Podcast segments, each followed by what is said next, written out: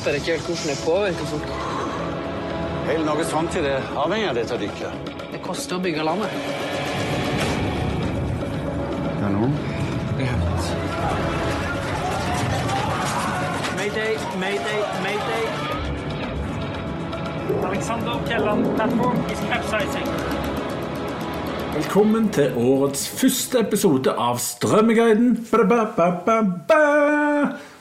Og det første vi skal snakke om, er Lykkeland sesong to.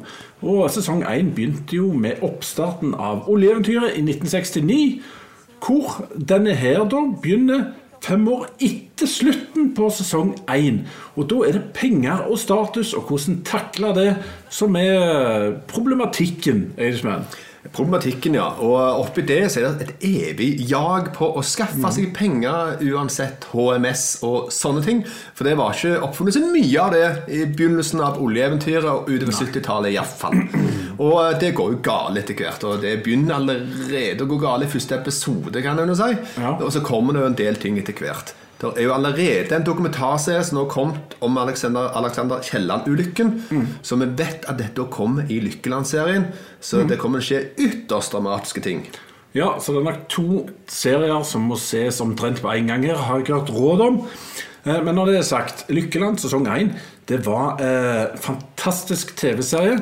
Og den gjorde alt det der med Stavanger og olje.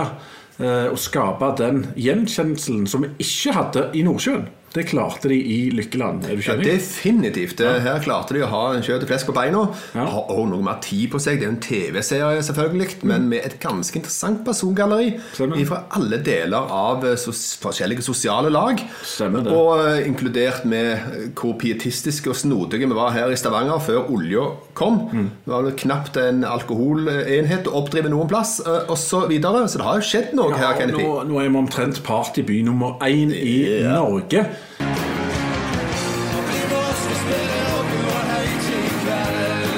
Denne serien i sin helhet bør ses på, eh, på skolen som pensum. For å vise at eh, vi kanskje ikke er evolusjonens neste ledd, vi bare fant penger. eh. Ja, vi kan si det sånn òg, men serien er iallfall veldig god.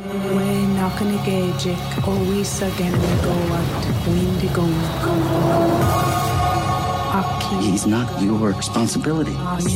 He has no one. He is my responsibility.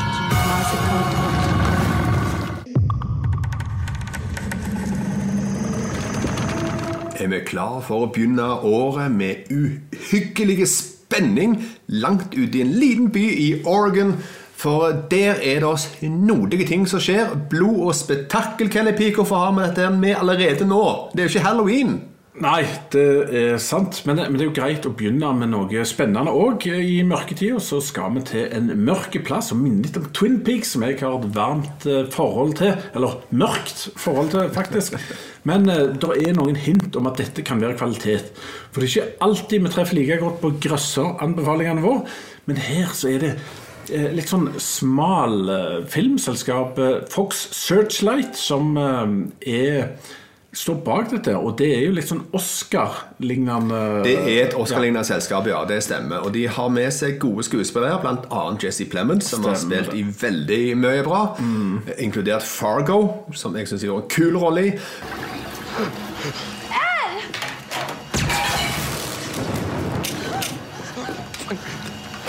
Den beste Black Mirror-episoden. Ja, og den beste Black Mirror-episoden. Hip, hip,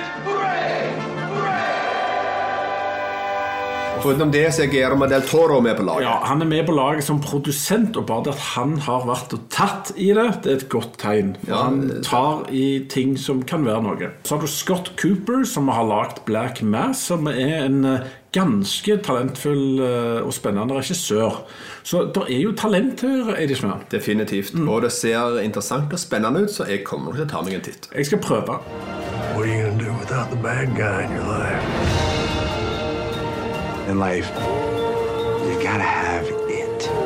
If you don't have it, you never get it.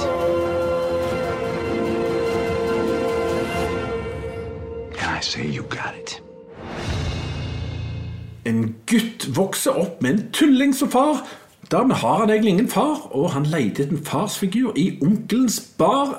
Man. dette er verken et mysterium eller en komedie. Dette er beinhardt drama.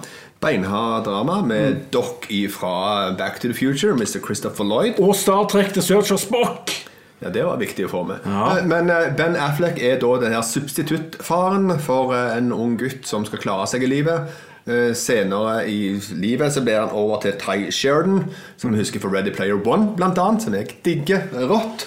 Parzival. And how the hell is? Find him. Eh, Dette her er en hjertevarm film, folkens, med George Clooney bak eh, registolen. Og det er jo interessant, er det ikke? Ja, Han har lagd et par filmer, bl.a. en sånn eh, halvdramatisk slags sci-fi i fjor eller forfjor, som var litt sånn kjedelig. Så han har bare lagd et par sånne filmer, og de er ok. Men han har jo enorm erfaring med skuespilleri.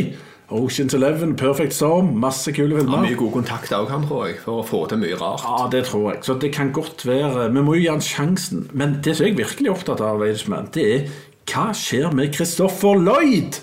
Hva er, er han tilbake sånn på ekte? Hva som skjer? Han uh, var med i Nobody, som var en av de kuleste actionfilmene i fjor, og så dukker han opp her. Og så står han oppført på søren meg Piskandausen syv produksjoner neste år. Hva skjer? Er det noe sånn redd for å dø?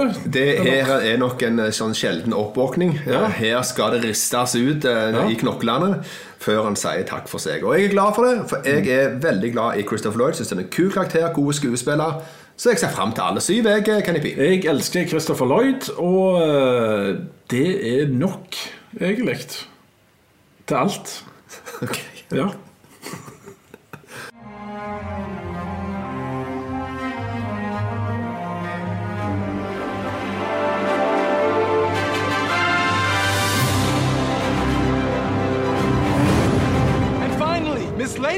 Herself, Mayor Shin!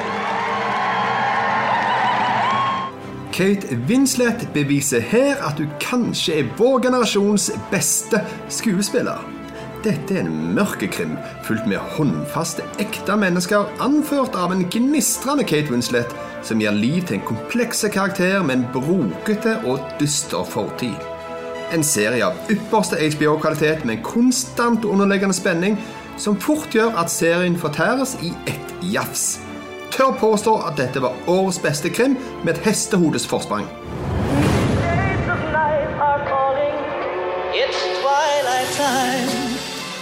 Wonder and Vision. For første gang ble det laga Marvel-TV-serie 100% knytta opp mot filmene fra Avengers-universet, også kalt MCU. Spenningen var stor etter noen mystiske trailere. De første episodene forvirrer og splitter fansen. Det foregår en slags tidsreise gjennom situasjonskomediene fra USA framover mot nåtida. Dette er virkelig en herlig feiring av amerikansk TV kombinert med stor musikk. Serien tar seg nemlig ekstremt god tid før folk begynner å ane hva som skjer. Anser dette for å være et ekstremt modig og kult trekk av Marvel, spesielt med tanke på en ganske bortskjemt og krevende fanskare. Det meste holder høyt nivå, og serien i seg sjøl er et originalt valg som setter i gang den neste fasen av MCU.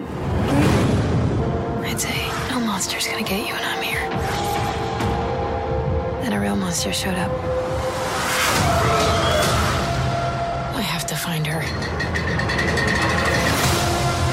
Først av alt, jeg er skeptisk til animasjon som fungerende underholdning for en medium voksen kar sånn som meg sjøl.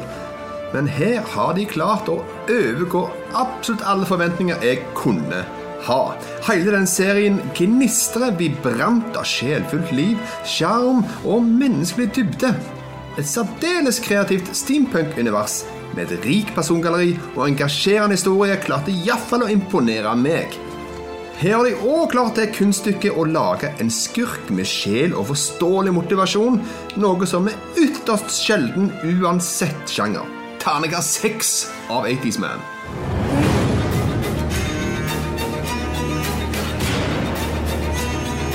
무궁화 꽃이 피었습니다입니다. 그 옛날에 어릴 때 하던 거 말이야? Først erobra de musikkverden,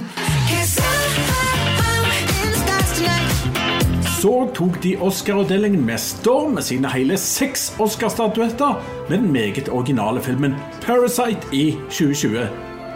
Knapt et år senere skaper de kanskje årets største TV-seriesnakkis, Squid Game.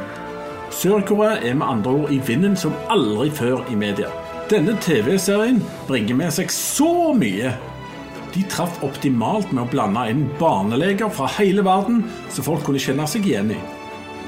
Annet med den alltid populære Battle Royale Survival-konseptet, som du ser både i storfilmer som The Hunger Games og massivt representert i spilleverden.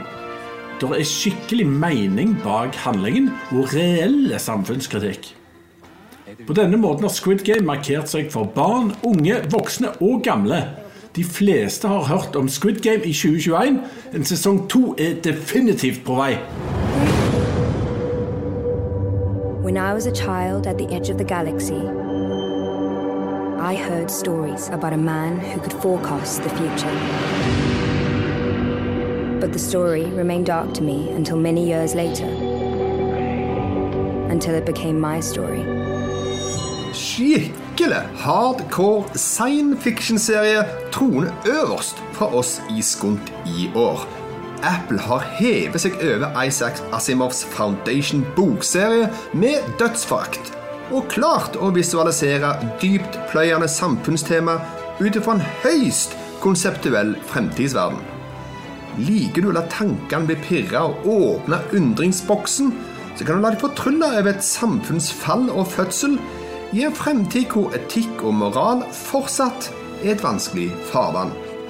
Denne serien er kanskje ikke for alle, men eh, vi i Skon Studios elsker det.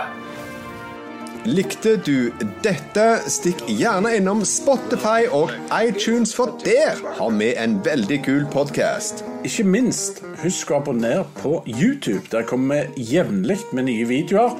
Følg oss òg på Facebook. Der kan du få kontakt med oss, og òg få med deg alt som skjer i Skunt-universet.